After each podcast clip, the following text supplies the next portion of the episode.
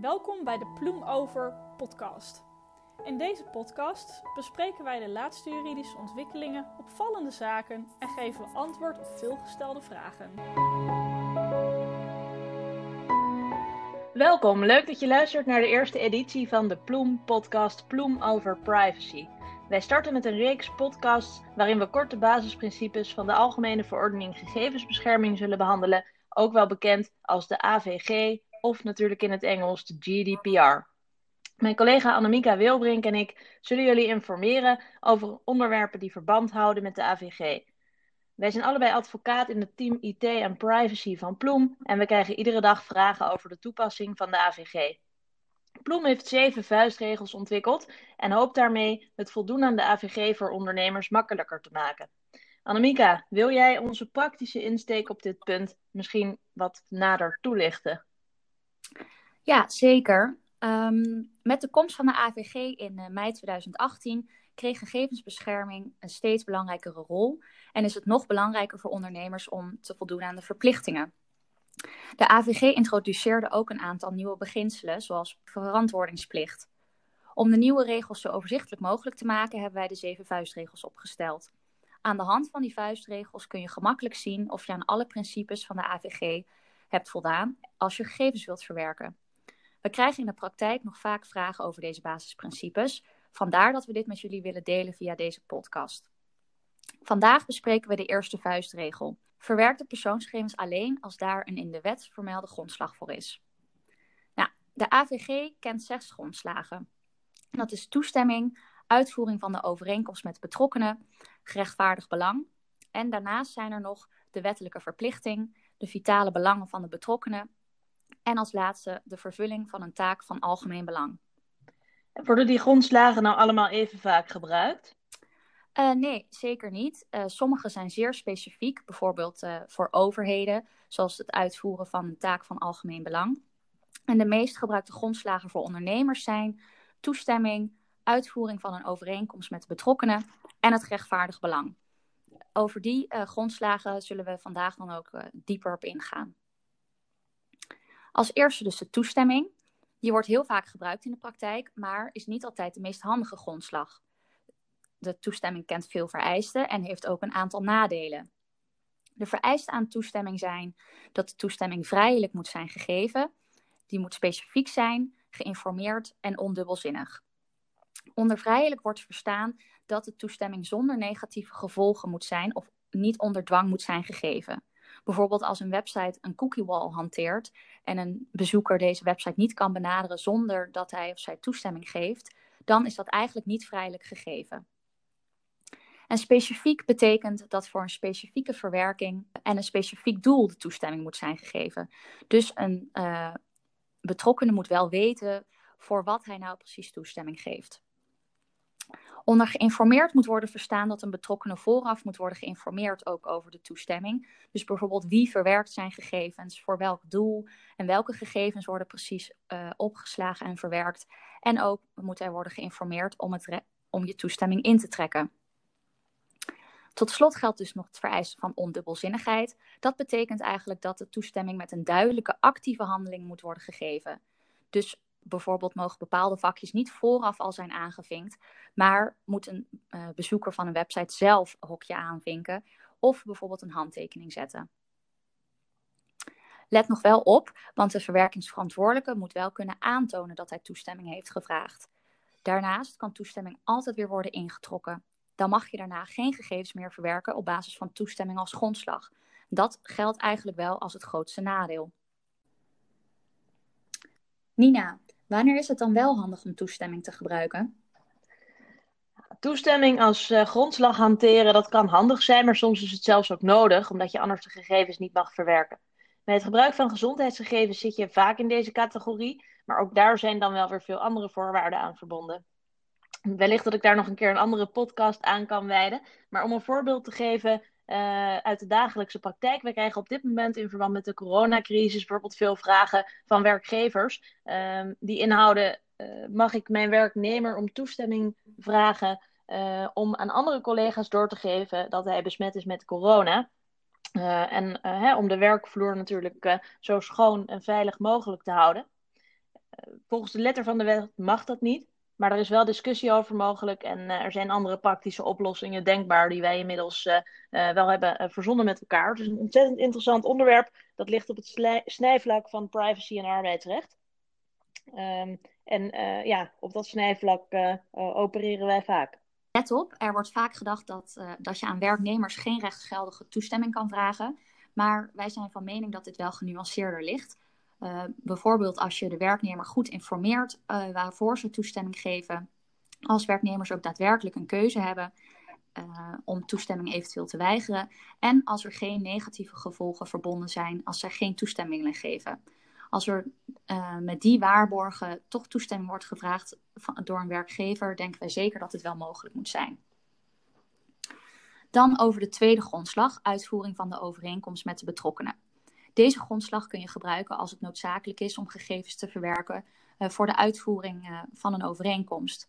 Bijvoorbeeld als je als onderneming een pakket wilt versturen naar een van je klanten, dan is het noodzakelijk om adresgegevens op te geven, zodat je dit pakket kunt versturen. Bijvoorbeeld bij online aankopen. Maar ook in het kader van een arbeidsovereenkomst is het bijvoorbeeld noodzakelijk om een bankrekening van je werknemers op te vragen, zodat je het salaris kunt uitkeren. En begrijp ik nu goed dat dat alleen zo is als je echt al een overeenkomst met iemand hebt, dat je dan een beroep kan doen op deze grondslag voor de verwerking van die gegevens? Uh, nee, het geldt ook al bij de voorbereiding van een overeenkomst met de betrokkenen. Bijvoorbeeld dus dat in het kader van het aangaan van een arbeidsovereenkomst ook al bepaalde gegevens uh, van de sollicitant of de toekomstige werknemer worden gebruikt. Het is wel van belang dat je dan deze gegevens alleen gebruikt in uh, voor dat doel. Dus als je gegevens verwerkt op basis van deze grondslag, de uitvoering van de overeenkomst of de voorbereiding van een overeenkomst, um, komt ook uh, vaak de vraag op of je ook reclame mag sturen naar deze betrokkenen. Uh, maar dit gebeurt dan weer vaak op basis van toestemming of het rechtvaardig belang. En Nina, wanneer kun je dan gebruik maken van de grondslag rechtvaardig belang? Ja, ik zal inderdaad nog iets over die derde grondslag van vandaag vertellen. Want daar krijgen wij ook heel veel vragen over. Um, je kan als organisatie een gerechtvaardigd belang hebben, uh, wat je wil behartigen. Uh, bijvoorbeeld uh, zo'n commercieel belang wat jij al aangeeft. helaas is dit geen vangnet. Hè? Het is niet zo van als er geen andere grondslag kan worden gevonden, dan mogen we altijd hier een beroep op doen. sterker nog, het is niet heel makkelijk om daar een beroep op te doen. Um, het is namelijk alleen mogelijk als je aan drie voorwaarden voldoet. Allereerst moet dat belang van die verwerkingsverantwoordelijke, dus de organisatie, echt gerechtvaardigd zijn. De vraag is dan, ja, welk belang is wel of niet gerechtvaardigd? Uh, je kunt denken aan bescherming van eigendommen, uh, maar op basis van een recente uitspraak van de rechtbank Midden-Nederland van 23 november 2020, um, ehm, waar uh, we zo nog wat meer over vertellen, kan ook zo'n commercieel belang, bijvoorbeeld direct marketing, een gerechtvaardigd belang zijn. Je moet eigenlijk zo zien dat het moet gaan om een belang dat ook in rechten beschermd wordt. Bijvoorbeeld met een regel of een beginsel. Dat kan ook ongeschreven zijn. Maar het moet niet zo duidelijk in de wet staan uh, dat verwerking op grond van een wettelijke bepaling je grondslag kan vormen. Dat belang moet er ook wel echt zijn. Het moet niet speculatief zijn of misschien. Uh, het moet wel een reëel belang zijn. En waar zien we dan dat het bijvoorbeeld vaak duidelijk aanwezig is? Uh, de autoriteit persoonsgegevens noemt in dit kader bijvoorbeeld het voorkomen van fraude, diefstal, bijvoorbeeld door de inzet van cameratoezicht. Uh, het kunnen onderbouwen van een rechtsvordering, het beveiligen van computersystemen of bijvoorbeeld het nakomen van zorgplichten jegens werknemers. De tweede voorwaarde, als je dus uh, hebt geconstateerd dat er zo'n gerechtvaardigd belang is, dat is dat de verwerking ook noodzakelijk moet zijn om dat belang te behartigen. Nou, dat, dat criterium, dat noodzakelijkheidscriterium, kennen we natuurlijk wel in het privacyrecht. Um, het moet altijd noodzakelijk zijn om de gegevens te verwerken. En er mogen natuurlijk ook nooit meer gegevens worden verwerkt dan noodzakelijk is voor het doel waarvoor ze worden verwerkt.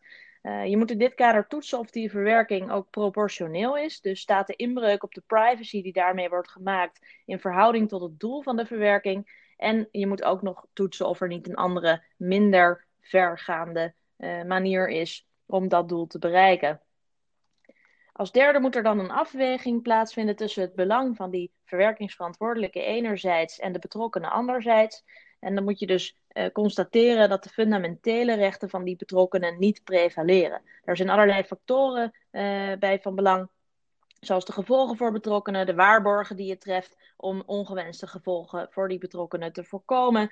En een belangrijke vraag die je daarbij kunt stellen is: kan de betrokkenen verwachten dat zijn gegevens op die manier worden verwerkt? Bijvoorbeeld als je dus eerst gegevens verstrekt voor een overeenkomst, ehm, dat je dan opeens reclame krijgt voor iets heel anders. Ja, dat zal dan wellicht te ver gaan. Uh, je moet deze analyse ook vastleggen in verband met de verantwoordingsplicht onder de AVG. En daarom adviseren wij vaak om dit ook goed te documenteren en daarbij ook aan te geven welke maatregelen je treft. Annemieka, we zien dat veel bedrijven nu uh, inderdaad, zoals ik al even noemde, deze grondslag gerechtvaardigd belang willen gebruiken voor marketingdoeleinden. Uh, dat is een commercieel belang. Uh, kun jij in dat kader nog iets hierover zeggen of dat nou wel of niet mag? Want daar is de laatste tijd wel discussie over geweest.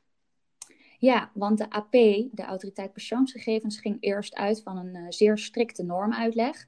Die eigenlijk zei dat um, uh, commerciële belangen, zoals winstmaximalisatie, uh, niet als een rechtvaardig belang uh, gekwalificeerd konden worden.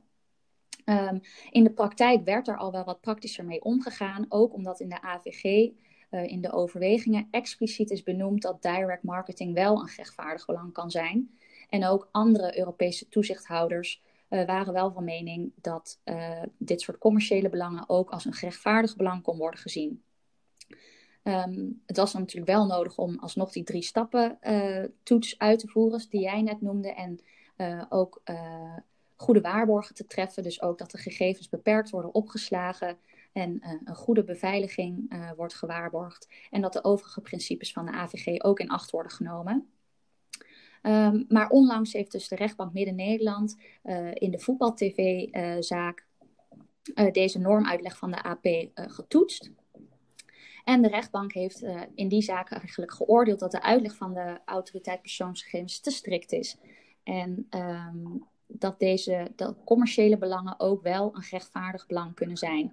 En dat is dus eigenlijk wel in lijn met wat andere Europese autoriteiten ook zeggen. Het alternatief is natuurlijk dat toestemming wordt gevraagd om uh, gegevens te gebruiken voor marketingdoeleinden. Dat is vanuit commercieel oogpunt natuurlijk altijd niet uh, de meest wenselijke route.